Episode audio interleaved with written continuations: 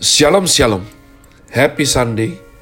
Selamat hari Minggu 9 Agustus 2020 Saya Pendeta Caleb Hofer Bintoro dalam anugerahnya. Penuh sukacita sampaikan pesan Tuhan melalui program Grace Words.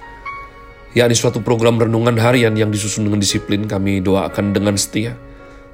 Supaya makin dalam kita beroleh pengertian mengenai iman, pengharapan, dan kasih yang terkandung dalam Kristus Yesus Sungguh merupakan kerinduan saya bagi saudara sekalian, agar supaya kasih dan kuasa firman Tuhan setiap hari tidak pernah berhenti menjamah hati, menggarap pola pikir, dan paling utama adalah kehidupan kita boleh sungguh berubah, makin serupa kepada Kristus Yesus. Masih dalam season autumn dengan tema equipping, Chris Word hari ini saya berikan judul baik dan kuat. Baik dan kuat, mari kita lanjutkan komitmen membaca kitab suci hingga habis.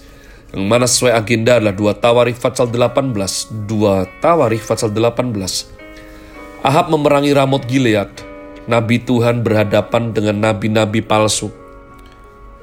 Ketika Yosafat kaya dan sangat terhormat, ia menjadi besan Ahab. Beberapa tahun kemudian, pergilah ia kepada Ahab di Samaria Ahab menyembelih banyak kambing domba dan lembu sapi untuk dia dan rombongannya dan mengajaknya untuk menyerang Ramot Gilead. Berkatalah Ahab Raja Israel kepada Yosafat Raja Yehuda, Maukah engkau pergi ke Ramot Gilead bersama-sama aku? Jawabnya kepadanya, Kita sama-sama. Aku dan engkau, rakyatmu dan rakyatku, aku akan bersama-sama engkau di dalam perang. Tetapi Yosafat berkata kepada Raja Israel, Baiklah tanyakan dahulu firman Tuhan. Lalu Raja Israel mengumpulkan para nabi, 400 orang banyaknya. Kemudian bertanyalah ia kepada mereka, Apakah kami boleh pergi berperang melawan Ramut Gilead atau aku membatalkannya? Jawab mereka, Majulah, Allah akan menyerahkannya ke dalam tangan raja. Tetapi Yosafat bertanya, tidak adakah lagi di sini seorang nabi Tuhan? Supaya dengan perantaraannya kita dapat meminta petunjuk. Jawab Raja Israel kepada Yosafat, masih ada seorang lagi yang dengan perantaraannya dapat diminta petunjuk Tuhan. Tetapi aku membenci dia, sebab tidak pernah ia menubuatkan yang baik tentang aku, melainkan selalu malapetaka Orang itu ialah Mika bin Yimla. Kata Yosafat, janganlah raja berkata demikian. Kemudian Raja Israel memanggil seorang pegawai istana katanya, Jemputlah Mika bin Yimla dengan segera. Sementara Raja Israel dan Yosafat Raja Yehuda duduk masing-masing di atas tahtanya dengan pakaian kebesaran, di suatu tempat pengirikan di depan pintu gerbang Samaria, sedang semua nabi itu bernubuat di depan mereka. Maka Zedekia bin Kea Kenaana membuat tanduk-tanduk besi lalu berkata, Beginilah firman Tuhan, dengan ini engkau akan menanduk Aram sampai engkau menghabiskan mereka. Juga semua nabi itu bernubuat demikian katanya, majulah ke Ramot Gilead dan engkau akan beruntung Tuhan akan menyerahkannya ke dalam tangan raja. Suruhan yang pergi memanggil Mika itu berkata kepadanya, Ketahuilah, nabi-nabi itu sudah sepakat meramalkan yang baik bagi raja. Hendaklah engkau juga berbicara seperti salah seorang daripada mereka dan meramalkan yang baik. Tetapi Mika menjawab, Demi Tuhan yang hidup, Sesungguhnya apa yang akan difirmankan Allahku itu yang akan kukatakan. Setelah ia sampai kepada raja, bertanyalah raja kepadanya, Mika, apakah kami boleh pergi berperang melawan Ramot Gilead atau aku membatalkannya? Jawabnya, majulah dan kamu akan beruntung, sebab mereka akan diserahkan ke dalam tanganmu. Tetapi raja berkata kepadanya, sampai berapa kali aku menyuruh engkau bersumpah, supaya engkau mengatakan kepadaku tidak lain dari kebenaran, Lalu jawabnya, Telah kulihat seluruh Israel bercerai-berai di gunung-gunung seperti kambing domba yang tidak mempunyai gembala. Sebab itu Tuhan berfirman, mereka ini tidak punya Tuhan, baiklah masing-masing pulang ke rumahnya dengan selamat. Kemudian Raja Israel berkata kepada Yosafat, Bukankah telah kukatakan kepadamu, tidak pernah ia menubuatkan yang baik tentang aku, melainkan hanya malapetaka. Kata Mika, sebab itu dengarkanlah firman Tuhan. Aku telah melihat Tuhan sedang duduk di atas tahtanya, dan segenap tentara sorga berdiri di sebelah kanannya dan di sebelah kirinya. Dan Tuhan berfirman, Siapakah yang akan membujuk Ahab Raja Israel untuk maju berperang supaya ia tewas di Ramot Gilead? Maka yang seorang berkata begini, yang lain berkata begitu.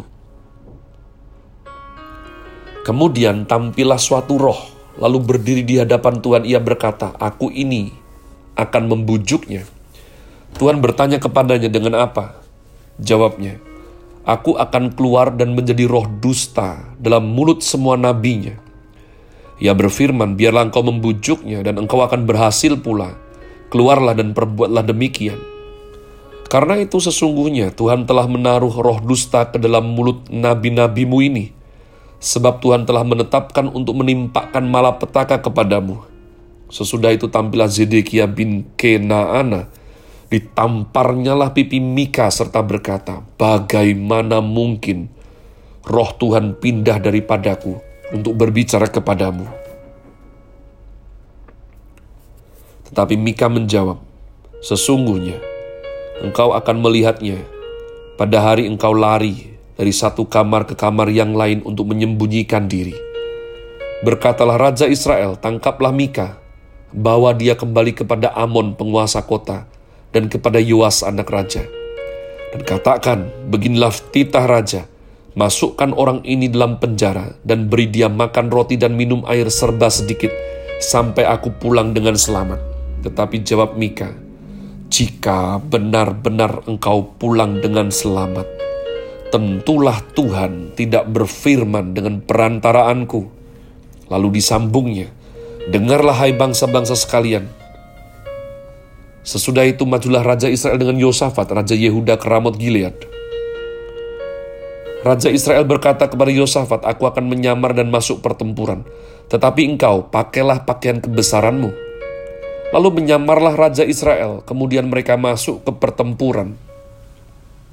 Adapun Raja negeri Aram telah memberi perintah kepada para panglima pasukan keretanya demikian, Janganlah kamu berperang melawan sembarang orang, melainkan melawan Raja Israel saja. Segera sesudah para panglima pasukan kereta itu melihat Yosafat, mereka berkata, "Itu raja Israel."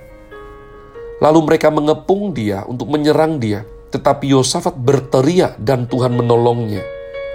Allah membujuk mereka pergi daripadanya. Segera sesudah para panglima pasukan kereta itu melihat bahwa dia bukanlah raja Israel, maka undurlah mereka daripadanya. Tetapi seseorang menarik panahnya dan menembak dengan sembarangan saja dan mengenai Raja Israel di antara sambungan baju zirahnya. Kemudian ia berkata kepada pengemudi keretanya, "Putar, bawa aku keluar dari pertempuran sebab aku sudah luka." Tetapi pertempuran itu bertambah seru pada hari itu dan Raja Israel tetap berdiri di dalam kereta, berhadapan dengan orang Aram itu sampai petang. Ia mati ketika matahari terbenam. Umat Tuhan, apa maksud saya dengan judul baik dan kuat? hubungan bilateral dua bangsa Israel yang sudah terkoyak utara dan selatan. Ya, antara Yehuda dan Israel disebutnya. Itu kalau mereka bermusuhan, mereka akan berperang sama Tuhan. Tapi Yosafat ini baik hatinya. Dikatakan dia kaya dan sangat terhormat karena baik hatinya dia ingin merangkul saudaranya, yakni Israel sehingga ia mau menjadi besan Ahab. Saat itu Raja Israel Raja Ahab. Dan saudara lihat betapa liciknya Ahab, betapa curangnya dia, sehingga dia membiarkan Yosafat yang memakai pakaian kebesaran raja karena dia tahu raja selalu yang paling diincar di medan perang. Sedangkan dia dikatakan menyamar. Nah umat Tuhan, orang kuat tapi hatinya tidak baik, Tuhan tidak berkenan. Tapi kalau orang itu baik hatinya, tapi lemah, percuma saja, dia tidak bisa membuat perubahan. Ya, dia tidak menyakiti orang lain. Itu sudah bagus. Tapi tidak banyak yang bisa diperbuat melalui kehidupannya. Dan tanpa kekuatan, orang baik juga akan memperkeruh suasana umat Tuhan. Saya berulang kali melihat betapa orang baik tidak berani angkat suara, orang baik tidak berani maju ke depan, orang baik tidak mau pikul tanggung jawab. Hatinya baik, dalam artian sebenarnya tidak mau kelahi, sebenarnya tidak mau merugikan orang lain, tapi dia lemah karena dia lemah. Saudara tahu, ciri khas orang jahat hatinya itu pasti mendominasi. Ciri khas orang yang jahat hatinya, serakah hatinya, pasti dia mau mengatur segalanya. Maka kalau hanya baik tapi tidak kuat, dia pasti ya daripada bertengkar, saudaraku, tapi itu menyalahi daripada kehendak Tuhan. Maka saya menetapkan diri saya bersama semua anak-anak rohani yang Tuhan percayakan. Jadilah orang baik dan kuat. Nah, kuat di dalam iman Kristen artinya adalah senantiasa bersandar pada firman Tuhan. Tidak ada kekuatan yang lain yang diakui di hadapan sorga selain daripada kita bersandar pada firman-Nya.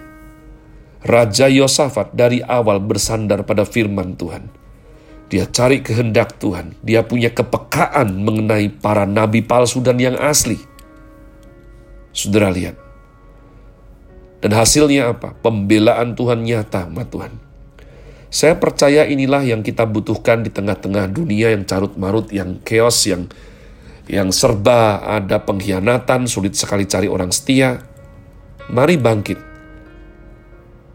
Jadi orang yang hatinya baik, tapi hidupnya kuat sekali, punya keberanian, punya kekuatan yang dibutuhkan untuk mengeksekusi suatu pendapat, suatu keputusan dengan lugas dan tegas, dan itu semua karena kita bersandar pada firman-Nya. Have a nice day. Tuhan Yesus memberkati saudara sekalian. Sola. Grazie.